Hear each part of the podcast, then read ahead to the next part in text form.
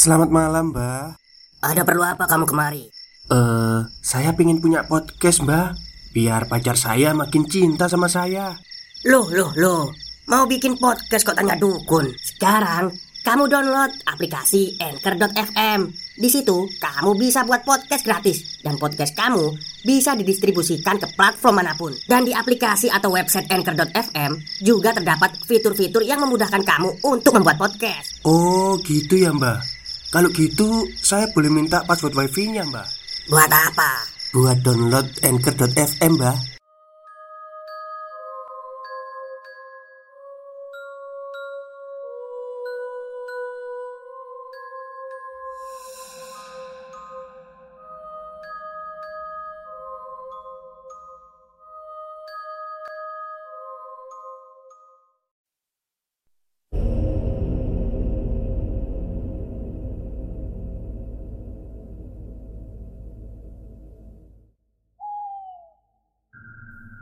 Assalamualaikum warahmatullahi wabarakatuh. Halo semuanya, jumpa lagi dengan saya Chow Sing Sing, kurator dari Podcast Horror Night Story.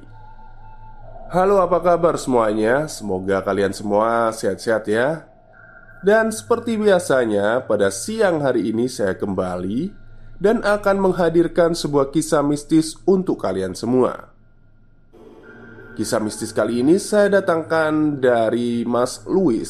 Tweet Twitternya Mas Louis Atau Sisi Kanan.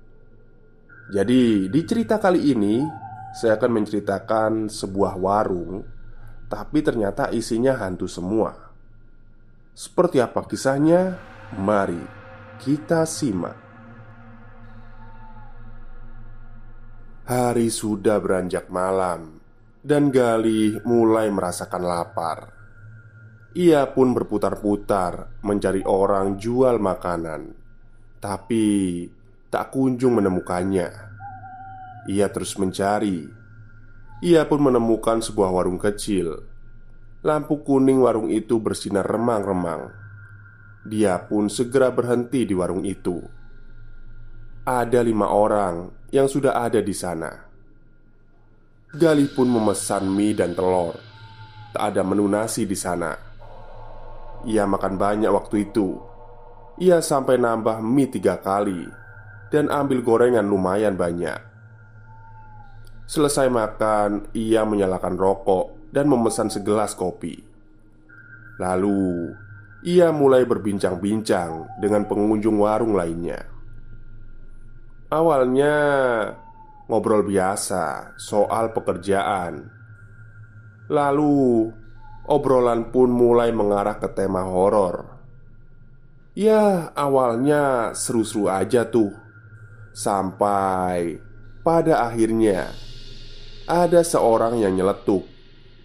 "Mas, untung Mas ketemu sama warung ini." Kata orang itu. Lalu Gali menjawab, Iya pak. Jadi bisa ngobrol asyik. Biasanya jam segini saya juga nongkrong dengan teman-teman. Jawabnya santai.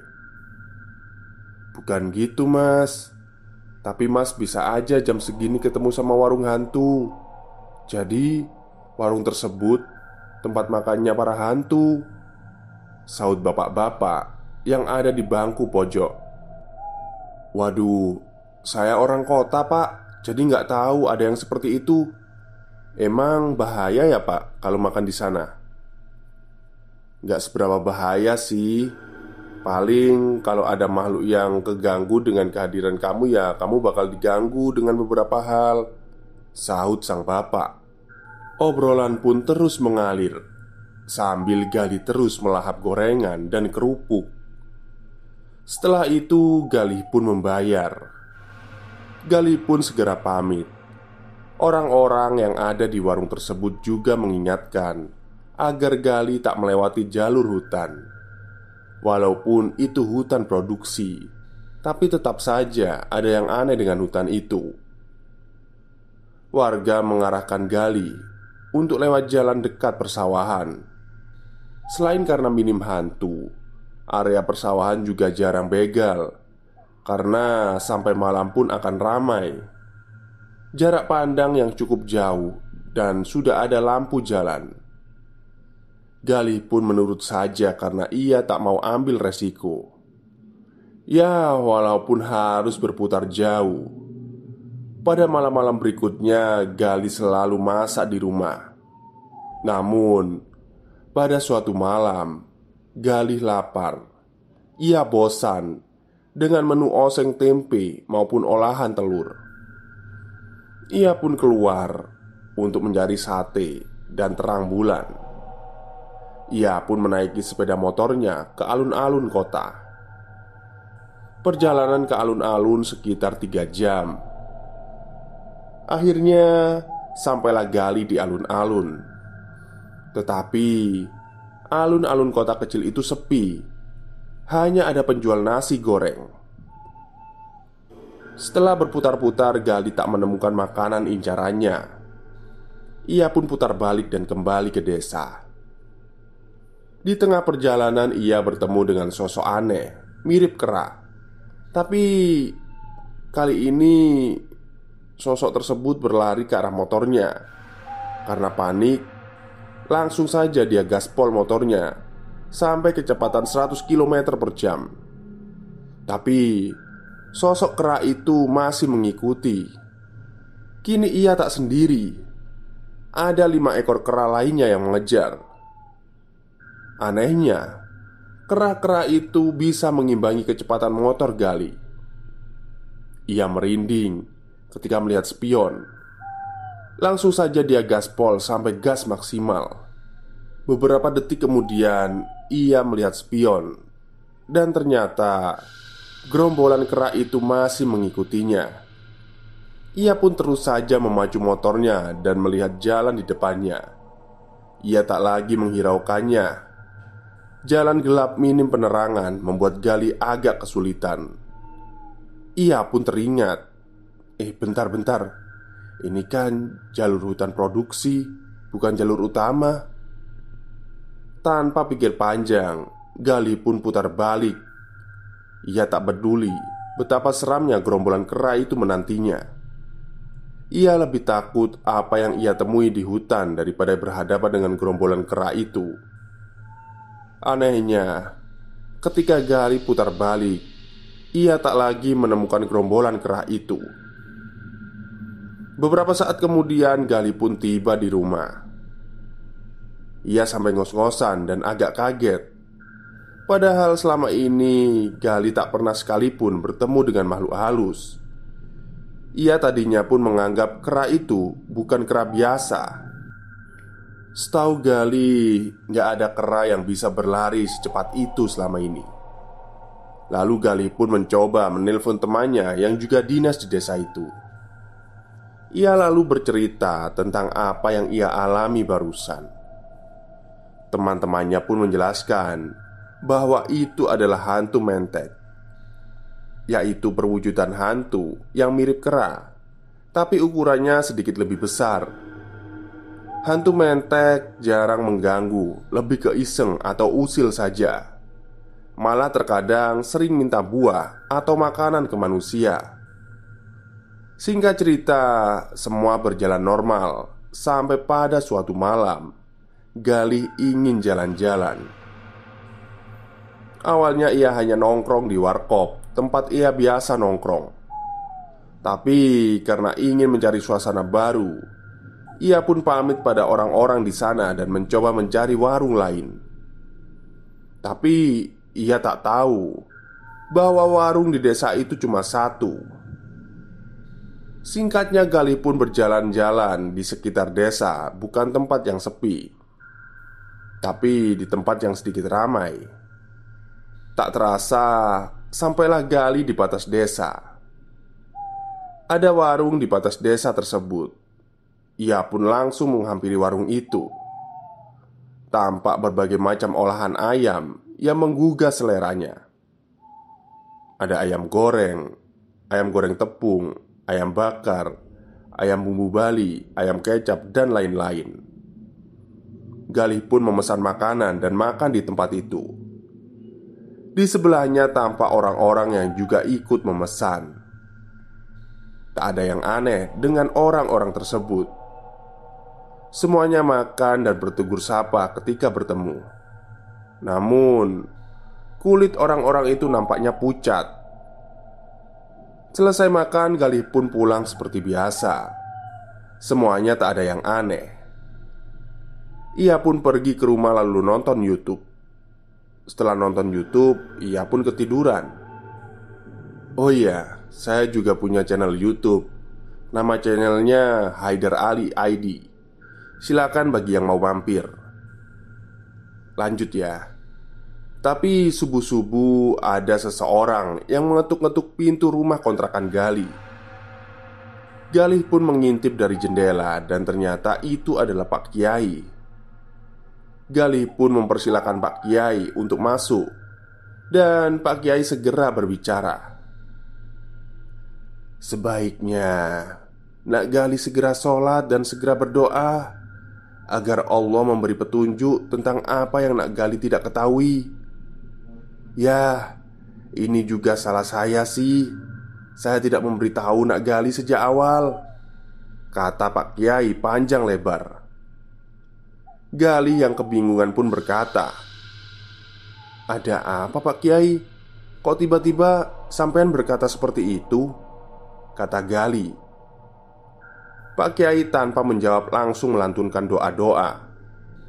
Lalu beliau beranjak dari tempat duduknya dan berkata, "Nanti Nak Gali akan tahu sendiri." Waktu pun berlalu. Siang sudah berputar menjadi malam. Gali masih tak paham dengan omongan Pak Kiai. Namun, karena sudah lelah bekerja, Gali pun tertidur. Di dalam mimpinya ia melihat banyak sekali makhluk aneh yang ada di warung tempatnya kemarin makan. Lalu Gali pun terbangun di tengah malam. Di depan rumah Pak Kiai sudah menunggunya.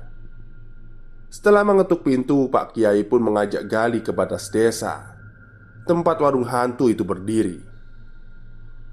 Sesampainya di sana, Gali kaget dengan apa yang ia temui ada sosok makhluk yang merangkak dan makan di warung itu. Sosok tersebut memiliki sisi dan sirip punggung persis ikan. Lalu ada makhluk seperti kelelawar, tapi sangat besar. Bentang dan panjang sayapnya kira-kira 5 meter.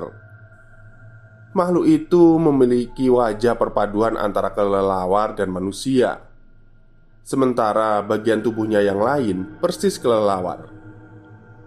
Galih pun ketakutan dibuatnya Namun Pak Kiai berkata Santai saja mas Lalu Tak lama setelah itu muncul makhluk lain Makhluk tersebut memiliki delapan tangan dan dua kaki Dia merayap ke arah hutan produksi ke warung itu Wajahnya mirip manusia Namun dua taring melengkung sepanjang 30 cm Galih pun menutup matanya ketika melihat makhluk itu. Pak Kiai pun berkata, "Ya, tutup aja kalau kamu gak kuat." Gali tak tahu kalau Pak Kiai sudah membaca amalan surat Yasin ayat 9. Jadi makhluk-makhluk tadi tak bisa melihat mereka. Namun Gali yang penasaran membuka matanya. Rupanya sudah ada segerombolan hantu berwujud kera Dengan warna bulu hitam legam Persis seperti yang mengejarnya tempo hari. Mereka sedang duduk di warung itu. Stop, stop. Kita break sebentar Jadi gimana? Kalian pengen punya podcast seperti saya? Jangan pakai dukun Pakai anchor Download sekarang juga Gratis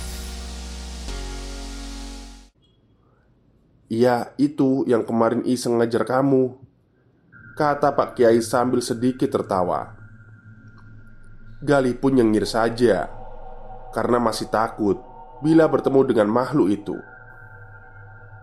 Warung yang luas itu ternyata cukup Untuk menampung gerombolan hantu tersebut Setelah gerombolan hantu yang pertama selesai makan Kini giliran gerombolan hantu yang kedua datang ada makhluk bungkuk yang lidahnya panjang.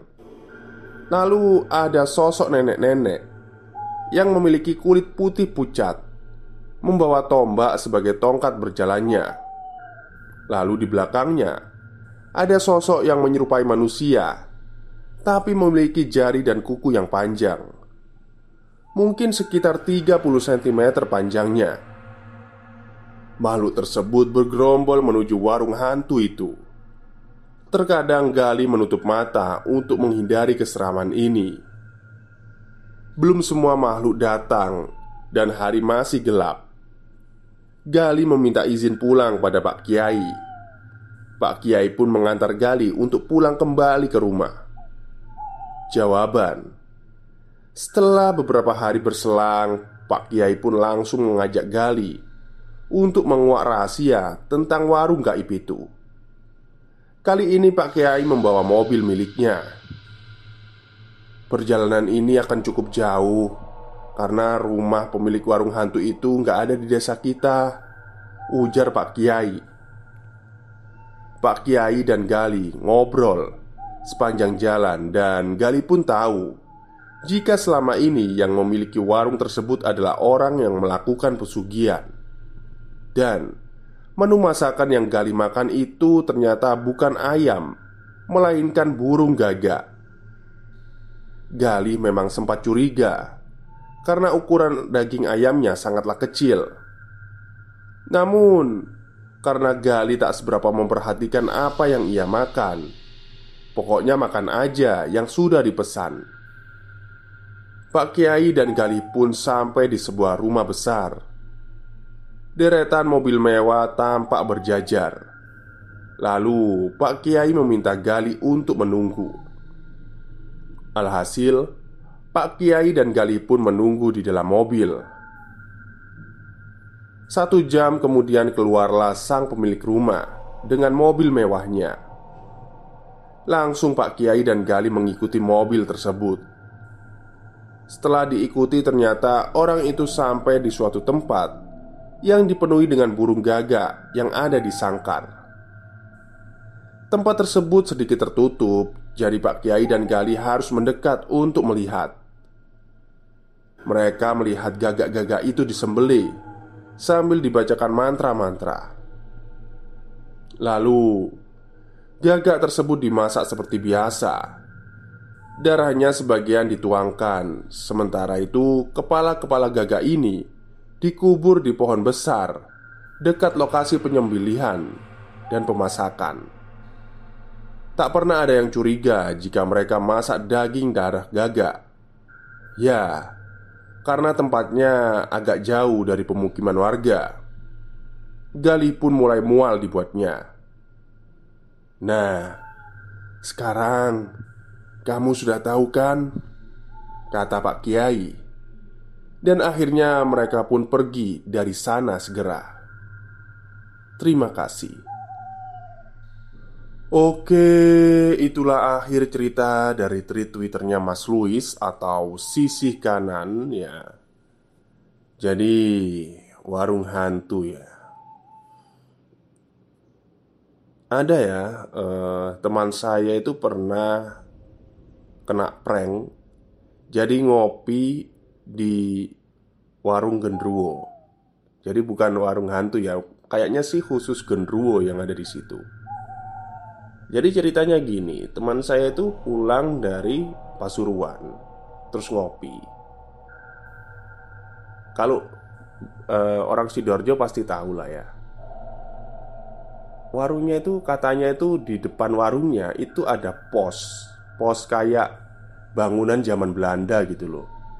Pokoknya itulah jalannya itu cuma bisa dilewati ini kok Mungkin dua mobil tapi sempit lah jalannya itu Nah Teman saya nggak tahu waktu ngopi di situ itu memang terlihat sepi ya karena capek lah ya. Karena capek ya udahlah ngopi dulu. Nah waktu ngopi pesen kopi ke ibu-ibu itu Ibu-ibunya yang jaga itu tua. Ngasih kopi ke ini ke dia. Tapi ternyata kopinya itu bukan buat teman saya. Disuruh naruh di pinggirnya. Agak pinggiran lah meja pinggir Ya teman saya nurut dong. Dikira oh mungkin pesenannya orang gitu kan ditaruh. Tapi dia aneh soalnya apa? Baru ngeh gitu. Ternyata di sampingnya Meja-meja sampingnya itu Udah berjajar sekitar ada 5 kopi 5 gelas kopi. Tapi nggak ada orangnya. Terus eh, Yang anehnya lagi Itu di depan pintu Ada kayak tempat ini loh Tahu nggak sih tempat ulekan itu Sambel itu? Hmm, Pokoknya itulah ya Tempatnya sambel itu. Di tempat di tempat itu itu ada kembang Terus ada kertas kecil-kecil. Nggak tahu kertas apa ya Pokoknya kertas kecil-kecil gitu.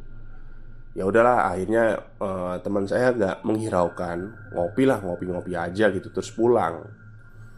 Katanya sih kopinya biasa aja Rasanya nggak, nggak seberapa enak Nah setelah beberapa hari Dia pulang lagi lewat jalur itu Tapi sama temennya. Nah karena capek cari warung udah tutup semua ya udahlah uh, ngopi di tempat yang kemarin dia tahu.